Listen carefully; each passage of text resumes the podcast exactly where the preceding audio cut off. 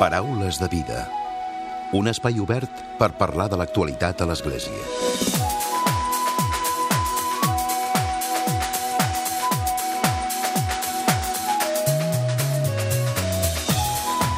Què tal? Salutacions i molt bon dia, molt bon diumenge. Animació de la fe en el lleure, formació per educadors i educadores en el lleure. Aquest és el títol d'un llibret editat per la Fundació Pere Tarrés i l'editorial Claret, sobre del consultor pedagògic Juanjo Fernández, d'una manera molt didàctica i estimulant, a través de dibuixos i missatges curts i amables, en Juanjo ens convida a descobrir i viure la fe a llocs com ara els esplais, les colònies o els grups on s'hi concentren infants i joves. Una de les primeres les preguntes que es fa és fer en l'educació, en el lleure? Per què? Doncs simplement perquè l'educació, diu, en el lleure és un àmbit privilegiat per l'animació de la fe. De seguida el saludem per conèixer més a fons aquesta interessant proposta.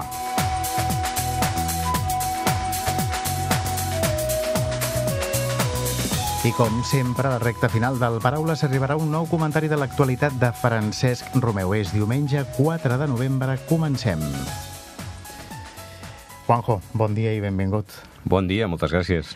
Animació de la fe en el lleure. De fet, és un llibre, ara ho dèiem a la portada, pels oients, pels oients del Paraules de Vida, que és molt didàctic, amb, els, amb unes il·lustracions que són molt divertides i que són molt amables. Sí, sí, sí, la idea és, eh, és aquesta, que, que sigui un, un llibre accessible, que, que vingui de gust eh, mirar-se'l i, i fer-lo servir. Uh -huh. Un llibre en el que fas, eh, en el que planteges constants preguntes, no? Preguntes, també afirmacions, amb la seva corresponent eh, explicació.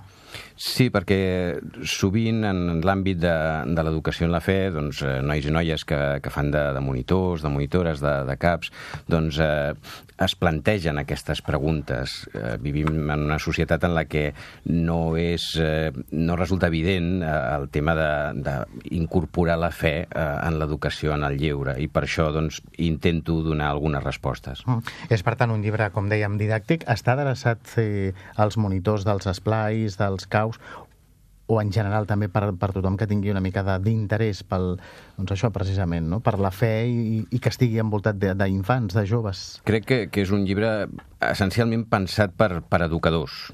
També serviria perfectament per, per educadors en l'àmbit de, de l'escola, però, però certament el seu origen està pensat doncs, això per, per educadors i educadores en l'àmbit de, de l'educació en el lleure.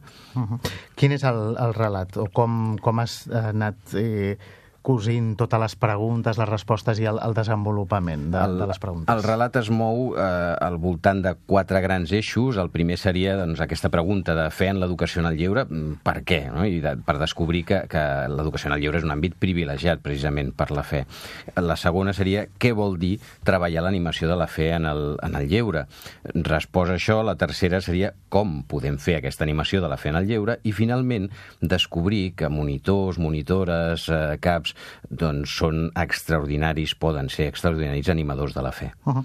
I per què, la primera de les preguntes que planteges, per què la fe eh, ha d'estar també inclosa o pot estar inclosa a l'educació en el lleure? Perquè no estem tampoc descobrint res estrany en la, en la Declaració de, dels Drets de l'Infant de, de l'ONU del 1989 es diu específicament això, promoure el benestar social, espiritual i moral i la seva salut física i mental. Per tant, eh, quan estem educant íntegrament, integralment l'infant, eh, hem, hem de vetllar també per aquesta, per aquesta espiritualitat. Com, no sé si és, si és més fàcil, si és més difícil, per la teva experiència també com a consultor pedagògic, a l'hora de, de transmetre, d'explicar i d'inculcar la fe als infants i als joves, eh, de, de quina manera és més fàcil fer-ho?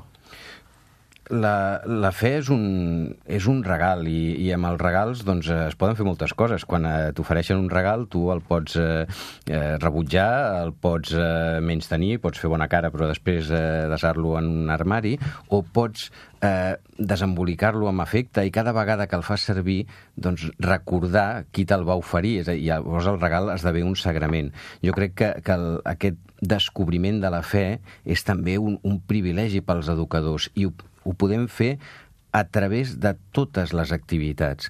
Quan il·luminem una activitat, una activitat que pot ser una activitat eh, habitual de, de, del nostre esplai, de, del nostre agrupament, uns tallers, uns cants, eh, una excursió, unes danses, eh, una activitat de bon dia, quan l'il·luminem amb aquesta llanterna de la, de la fe, podem transformar aquesta activitat, incorporar-hi aquest element per posar els infants i joves en el camí de la transcendència, que no vol dir, evidentment, la, la, la fe no es pot imposar, ni es pot imposar el deixar de creure, clar.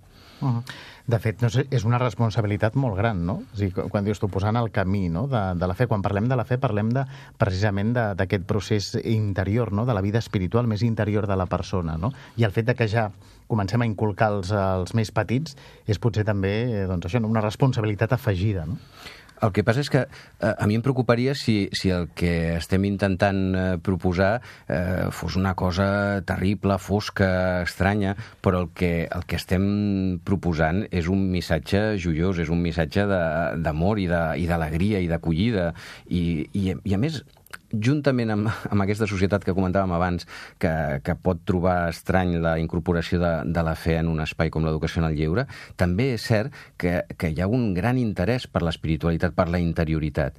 No és més que donar resposta a aquest interès. Si estem educant els nostres infants i joves integralment, en, en la totalitat, allò que es diu de vegades allò, la, la visió holística de la persona, doncs també l'espiritualitat ha de formar part d'aquesta visió. Uh Juanjo, parla'ns de, precisament de, de, dels dibuixos, de les il·lustracions que configuren el llibre i que, que són essencials, no, també? Sí, eh, són, són il·lustracions molt, molt senzilletes i que, i que bueno, és Senzilles veritat que... però que criden l'atenció, no? que agraden, que són amables. La, la idea és que, que intentin representar el, el concepte que, que van representar. Tot això ve de, de que darrerament doncs, m'he adherit molt a, a una cosa que es diu el, bueno, el visual thinking, de, de l'sketch note, el prendre nota visualment d'una conferència, d'un llibre, de, de conceptes. I en aquesta aquesta, en el Sketch Note hi ha una cosa que és no, no, no és art, són idees.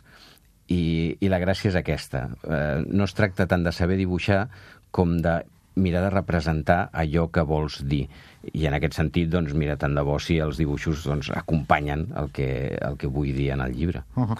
De fet, s'ha presentat fa poc, oi? Fa, sí, fa poquet que... Sí, sí, ho vam presentar fa, fa poquet i, i va estar molt bé. El, el bisbe Francesc Pardo va de fer... Girona, no? El bisbe de Girona. Sí, sí, sí, va fer, un, bueno, va fer una venda del llibre. Jo vaig, vaig, vaig quedar entusiasmat i en Rafa Ruiz de Gauna, des de la Fundació Pere Tarrés, doncs també va fer una, una proposta extraordinària del, del llibre. Jo estic molt content i, a veure, una mica bromat perquè eh, en, en aquest és un, és un llibre, no deixa de ser un llibre d'encàrrec i, i, i he estat molt acompanyat en aquesta presentació del llibre. Uh -huh. eh, no sé si eh, han passat molt poques setmanes des que s'ha presentat. Si has tingut eh, alguna mena de feedback amb els educadors o gent que, que l'hagi pogut veure, fullejar i, i li hagi agradat?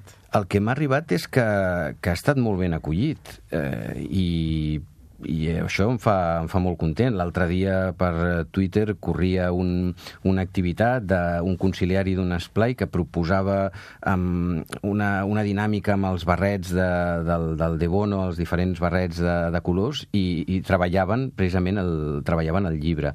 Un altre educador em comentava la possibilitat de, de disposar del material en castellà per fer... Una edició formació. en castellà. Sí, per fer una formació. I estem treballant i estem pensant a veure, a veure si podem fer-ho. Uh -huh de les qüestions que parles, per exemple, no? dels valors, no? i et preguntes per què mm. s'eduquen, no et preguntes sinó l'afirmació, no? de per què s'eduquen valors, no? i aquí dones doncs, també les, les explicacions. No? Sí, sí, sí, el, els valors no són exclusius de, dels creients, però, però la fe pot motivar que, que estiguem orientats i, i fonamentats en uns determinats valors.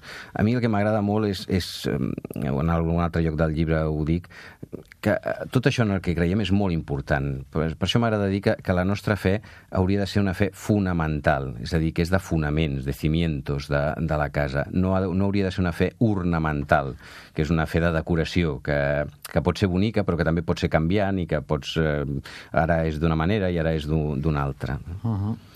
I També parles dels vuit mites sobre la fe en el lleure. Aquest és interessant. Això, això ve de, també de, de, de moments en els que he fet formació...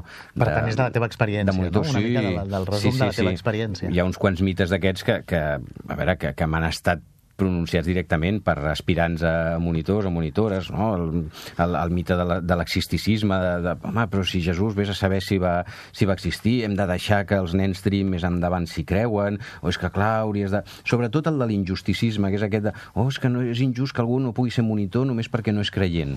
No? Dius, home, si només hi hagués esplais cristians sí que seria injust, però no és la, no és la situació. O el del respectuosisme, amb tot el carinyo, eh? però quan... No, és que es pot ser no creient però respectuós. Dius, a veure, sí, però en un esplai confessional no hauria de ser una majoria de monitors respectuosos i que, i que hi hagués una presència residual d'algú que, que és creient. Clar, són qüestions que són molt habituals, no? Sí, sí, sí, que, que es presenten amb, amb, molta, amb molta freqüència.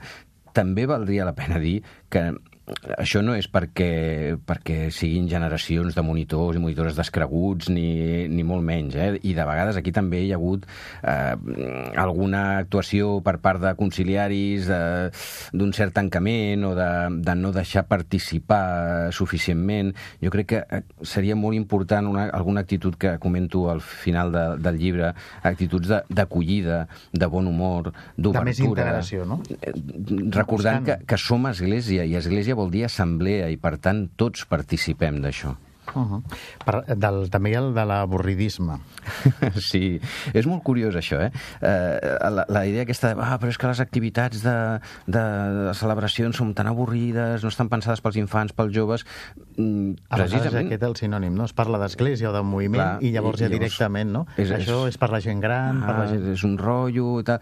Doncs precisament, eh, de la mateixa manera que, que hem donat vida a tantes activitats, doncs és el moment també de donar vida vida a aquestes activitats, que, que són totes, eh? són les activitats, són les pregàries, i són les celebracions eucarístiques, i són celebracions de la paraula, i són també els cants, i els tallers, i les danses, i l'excursió, totes les activitats han de tenir vida. Uh -huh. De fet, parles també del catecisme. Tu ets professor de, cate de catequesi, no? També? Uh, havia estat professor havia de religió estat... i havia estat catequista, sí, sí, uh -huh. d'infants i, de, i de joves, sí.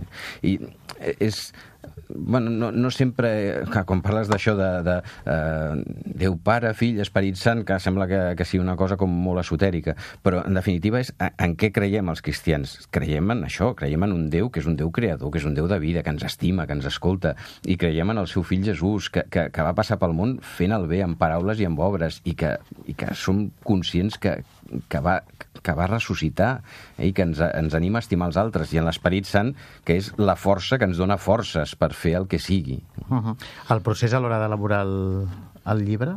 El procés a l'hora d'elaborar de, el llibre doncs, va ser a partir de, de l'encàrrec eh, de, de la Fundació Pere Tarrés, d'en Josep Oriol Pujol i d'en Rafa Ruiz, doncs vam anar-ho treballant eh, vaig fer alguna proposta en aquesta línia de, dels dibuixos i de bueno, d'un funcionament com més esquemàtic, això els va agradar molt i a partir d'aquí doncs, eh, doncs vam anar elaborant, a partir també d'alguns textos i d'algunes propostes de les diferents escoles de l'esplai i, dels diferents, i del moviment de centres d'esplai cristians, doncs, de diferents persones que també van, van aportar doncs, a continguts del llibre. És a dir, que has tingut una mica el suport no, d'ells? Sí, que... sí, sí, sí, suport eh, total i molta paciència perquè els terminis s'han allargat perquè no, jo no donava l'abast i, i en aquest sentit bueno, han estat a editors eh, magnànims i generosos.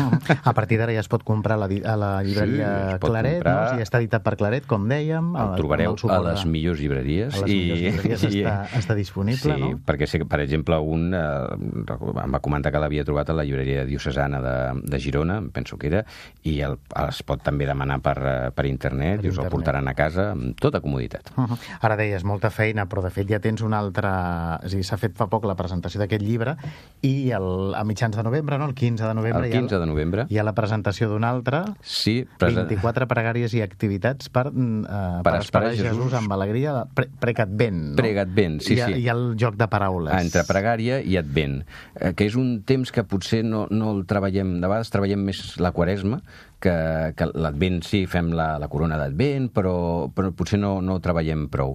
I això és un recorregut per escenaris, per personatges, per situacions del pessebre. Llavors tenim un dia, el, el sol, la nit, eh, el bou, eh, Josep, Maria, eh, el decret, la dona que, la dona que renta, l'home que, que pesca, i per cada un dels dies hi ha un esquema similar. Hi ha un, una mica de relat, una pregària i una, una activitat que pot ser una reflexió, pot ser un joc, una, una proposta més o menys lúdica o, o més o menys de, de pensar. I són això, 24 per començar l'1 de desembre i anar fent aquest, uh, aquest recorregut, doncs això, per preparar el Nadal, per esperar Jesús amb alegria. El temps d'Advent, que, que aviat també vindrà, i també està feta d'una manera, com deies, no? molt il·lustrativa, molt pedagògica, molt. Que, que crida molt l'atenció per un infant, no? Sí, que aquest, aquest sí que seria un, un llibre no per, no per donar-li a l'infant i, i ja t'arreglaràs, al contrari, hauria de ser un llibre per, per viure'l, ja sigui a la classe, ja sigui a la o catequesi, família, també, no? o en família. Seria un, un llibre ben bonic per viure, per viure aquesta preparació en família, esperar, doncs, això, fer-ho al vespre o, o en un moment aprofitar pel calendari d'Advent, la xocolatina i... Això t'anava a dir, perquè sempre els infants, no?, és allò del sí. calendari d'Advent amb la xocolatina corresponent, sí. no?, però potser ara hi ha un altre element, no? Un altre element que, que, que, bueno, que pot, eh, que pot anar bé. Jo recordo que a casa nostra, les nostres ja són grans, però quan eren més petits eh, costava molt trobar i costa molt, cada vegada més, trobar un calendari d'advent de xocolatines que tingui un motiu mínimament religiós, però després també treballàvem a partir d'alguns materials francesos perquè ah. no, no trobàvem aquí res que, que ens donés això una mica, una, una mica d'història per anar seguint el relat dia a dia del que feien Josep i Maria, com anaven avançant cap a Betlem. Uh -huh. En aquest sentit, la veritat és que estic molt content perquè crec que és un, que és un llibre xulo. En aquest cas, com, com ha estat el procés? Doncs el procés és, eh, neix ah. com, com les pregàries que... Són pregàries que hem fet a casa. Totes aquestes pregàries les hem fet a casa quan els, quan els nostres fills eren petits, amb la, que, amb la pregària de la porta, que és un altre dels llibres meus de, de pregàries, era la pregària que fèiem en família abans de sortir de casa. Les pregàries del desembre, doncs, eren aquestes. Cada dia, doncs, posàvem aquesta pregària a la porta de casa, per dins, doncs, abans, de, abans de sortir de casa. Uh -huh. Aquest llibre, com dèiem, es presenta el dia 15 de El dijous de 15 de novembre a les 6.30 a la llibreria Claret, a la sala Pere Casaldàliga. Uh -huh que crec que comptes amb la, amb la presentació que farà el nostre col·laborador, que de fet vindrà de seguida, en Francesc Romeu, oi? I tant, amb la inestimable col·laboració. L'altre dia el vaig atracar i li vaig dir, escolta, a veure, pots venir aquest dia? I, oh, si és dijous, sí, doncs vinga. I, i el presentarem, sí, sí, el Pregat Ben, que a més el vaig fer simultàniament en castellà. Aquest hi ha la versió castellana. La versió castellana, que es diu Reza Adviento, uh -huh. i, que, i que també, doncs, eh, doncs això, es pot... Eh, el, són els dos germans per preparar l'Advent. La tipologia de llibres com els que avui tenim aquí sobre la taula al Paraules de Vida, Juanjo, són llibres que entren molt bé, no? que tenen molt bona sortida, no? a banda del contingut, però potser si aquest contingut el presentes d'una altra manera, no? Mm. potser no, no és tan atractiu com ho és així, no? A, a mi m'agrada pensar que, que es tracta d'això, de, de, de treure una mica l'estigma que, que, que les, les activitats de, relacionades amb la fe, amb la pastoral, han de ser coses Avorrides, grises, fosques, eh, tristes. No? I, ostres, no, al contrari, hauria de, ser, hauria de ser divertit, hauria de ser agradable, que no vol dir que no sigui profund i que no, i que no ens mogui, eh, no ens mogui en el sentit ignasià de la paraula, eh, que, que, que ens mogui sí. eh, per dins i, i, i que ens faci actuar per fora, també. No? Clar. Uh -huh. Qui és, eh, I ja per acabar, Juanjo, qui és Juanjo Fernández? De, de fet, la, la gent que avui ens estigui escoltant al Paraules de Vida pot entrar a la seva pàgina web, juanjofernández.com. Mm -hmm. En allà hi ha tot el relat, tota la teva experiència professional, tot allò que has fet, i també amb tota, les, eh, tota la seva producció de, de llibres i de, i de treballs. Però a grans trets, Juanjo. Doncs eh, soc, he estat professor durant 18 anys als Jesuïtes del Clot a Barcelona, he estat eh, catequista i monitor i responsable d'Esplai i Colònies, i en els últims anys he estat consultor pedagògic a la Fundació Escola Cristiana de Catalunya. I ara, sobretot, em dedico doncs, a fer conferències, xerrades i a escriure. Escriure llibres tan interessants com els dos que tenim avui aquí, l'animació de la fe en el lleure i també aquest Precat Vent, que es presentarà en aquest cas el dijous 15 de novembre, una presentació que anirà també a càrrec del periodista i col·laborador d'aquesta casa, de Catalunya Ràdio i també del Paraules de Vida, en Francesc Romeu, que de seguida el saludem. Juanjo, gràcies i un plaer. Doncs deixem que els infants s'acostin a Jesús, com ell ens va demanar. Gràcies. Gràcies. Paraules de vida, amb Emili Pacheco. I tot seguit arriba el comentari de l'actualitat de Francesc Romeu. Francesc, molt bon dia. Fran molt bon dia a tothom i gràcies per aquestes referències personals que acabeu de dir en el programa. Diumenge passat es va cloure a Roma el sínode de bisbes dedicat als joves, que durant gairebé tot el mes d'octubre va aplegar a 268 bisbes d'arreu del món que han participat en l'assemblea, amb dret a veu i a vot, al costat d'un bon nombre de capellans experts i joves. Durant la missa del diumenge passat, en la homilia, el papa francès va resumir molt bé l'extens document final que recull uns 167 punts aprovats, reduint-lo només a tres paraules ben significatives el saber escoltar, l'acompanyament i el testimoniatge. Sobre l'escolta, el papa francès ja va fer una piulada al Twitter el mateix diumenge, on deia «M'agradaria dir-los als joves, disculpeu-nos si sovint no us hem escoltat, si en comptes d'obrir el vostre cor us hem omplert les oïdes». Hores després el papa tornava a dir Gràcies a tots els que heu participat en aquest caminar junts, és a dir, un sínode. Que el Senyor beneeixi els nostres passos per tal que puguem escoltar els joves, fer-nos pròxims seus i testimoniar-los l'alegria de la nostra vida, que és Jesús. Així doncs, en la homilia, el papa va parlar de l'apostolat de l'oïda, escoltar abans de parlar. Que important és per nosaltres escoltar la vida, va exclamar. Escoltar el crit del que demana ajuda, els fills del Pare Celestial escolten els seus germans, no les murmuracions inútils, sinó les necessitats del proisme. Escoltar amb amor, amb paciència, com fa Déu amb nosaltres, amb les nostres pregàries sovint repetitives. Déu mai es cansa, sempre s'alegra quan el busquem, va explicar. En segon lloc, sobre l'acompanyament, el papa es va centrar en l'acompanyament en el camí de la fe, però va insistir en el fet de fer-se proisme. El papa va explicar que el Senyor s'implica en primera persona amb un amor de predilecció per cadascú. Ja en la seva manera d'actuar transmet el seu missatge. Així la fe brolla en la vida. Aquest acompanyament és essencial pel camí de la fe, ja que la fe passa per la vida. Quan la fe es concreta exclusivament en formulacions doctrinals, es corre el risc de parlar només al cap, sense tocar el cor. I quan es concentra només en el fer, corre el risc de convertir-se en moralisme i de reduir-se a allò social. Segons l'opinió del papa, la proximitat és essencial per la transmissió de la fe als joves. Proximitat, aquí està el secret per transmetre el cor de la fe. No és un aspecte secundari. Fer-se proisme és portar la novetat de Déu a la vida del germà. És l'antídot contra la temptació de les receptes preparades, Preguntem-nos si som cristians capaços de ser propers, de sortir dels nostres cercles per abraçar els que no són dels nostres i que Déu cerca ardentment. El papa francès va advertir també contra la temptació de rentar-se les mans davant el patiment del proisme. Nosaltres, en canvi, volem imitar Jesús i, igual que ell, embrutar-nos les mans. Reconeguem que el Senyor s'ha embrutat les mans per cada un de nosaltres i mirem la creu i recomencem des d'allà en recordar-nos que Déu es va fer el meu proisme en el pecat i la mort. Es va fer el meu proisme tot ve d'allà. D'aquesta manera, quan per amor a ell també nosaltres ens fem pròxims, ens convertim en portadors de nova vida, no en mestres de tots, no en experts del sagrat, sinó en testimonis de l'amor que salva. Finalment, la tercera i última paraula que el papa va voler subratllar va ser la del testimoniar.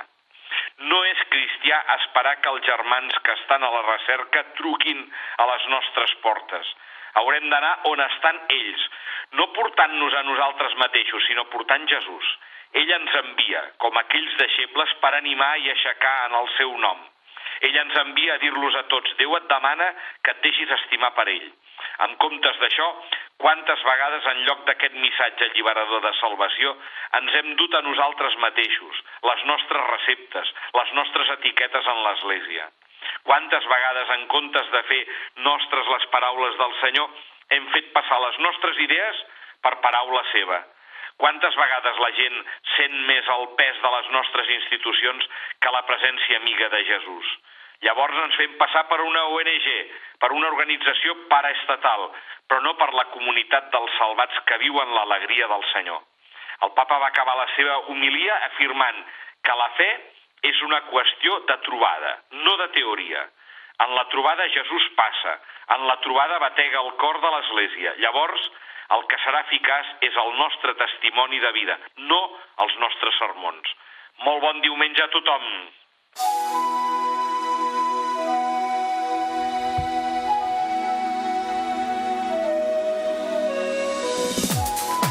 Fins aquí el Paraules de Vida d'aquesta setmana. En Diego Monroy ha estat el control tècnic i qui us ha parlat, l'Emili Pacheco. Que passeu bon diumenge i una molt bona setmana.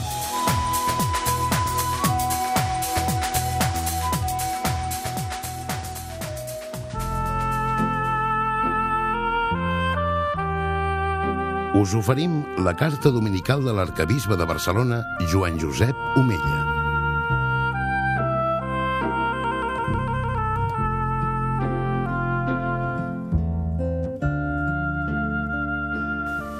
Déu vos guard. Aquesta setmana hem celebrat la solemnitat de tots els sants i la commemoració dels fidels difunts. Els catòlics hem recordat no només els beats o els sants, sinó també hem honrat els nostres éssers estimats, que no són oficialment canonitzats, però que viuen en la presència de Déu. Sens dubte, el Dia dels Difunts és un bon moment per recordar que la fe cristiana proclama la victòria de la vida i declara que la mort no té l'última paraula en la història humana.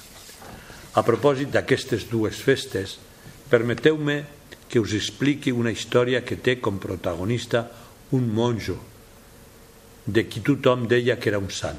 Sempre estava de bon humor i sempre molt ocupat. Un dia va rebre la visita d'un àngel quan era a la cuina rentant les cassoles. Li va dir l'àngel, Déu m'ha enviat per portar-te a la vida eterna. Ha arribat la teva hora. El monjo li va respondre somrient, T'agraeixo a tu i a Déu per convidar-me tan aviat a la seva glòria, però alguns pensarien que he demanat morir només per deixar de rentar més cassoles. No podríeu deixar el viatge per més endavant? Veurem què es pot fer, li va dir l'àngel. I el monjo va continuar amb la seva tasca rentant cassoles perquè al convent hi havia pocs voluntaris. Un altre dia el monjo estava a l'era cavant la terra i se li va aparèixer l'àngel però el va veure tan atrafagat que, sense dir-li res, se'n va anar. Els dies anaven passant i el nostre monjo quan no tenia cassoles per rentar ni terra per cavar, normalment anava a l'hospital a visitar els malalts i quan l'àngel el va veure enmig de tants malalts, el va deixar tranquil, no li va dir res. Però aquella nit, de tornada al convent, el monjo es va sentir vell i cansat, sense ganes de rentar cassoles, ni de cavar la terra, ni de visitar malalts. Va entrar a la capella i va dir al Senyor si vols enviar-me ara al teu missatger, estic disposat a acompanyar-lo. Ja no serveixo per a res. I llavors el Senyor li va parlar. Fes-me una mica de companyia. Fa molt de temps que esperava que tinguessis un moment lliure per estar amb mi. Quina història més bonica! Amb aquest relat breu us convido a pregar pels nostres difunts a fi que el Senyor els perdoni les faltes, puguin rebre la seva abraçada i gaudir en la seva presència en companyia de tots els éssers estimats que els van precedir en el camí al cel. També us demano que tingueu una intenció especial per tots aquells difunts pels quals ningú prega. Demanem al Senyor que no permeti que perdem la confiança en el seu amor de pare i que, com el monjo del nostre conte, descobrim com podem col·laborar en cada moment de la nostra vida amb l'obra de la redempció del Senyor, sobretot pregant. Benvolguts germans, que Déu us beneixi a tots. Us hem ofert la carta dominical de l'arcabisbe de Barcelona, Joan Josep Omella.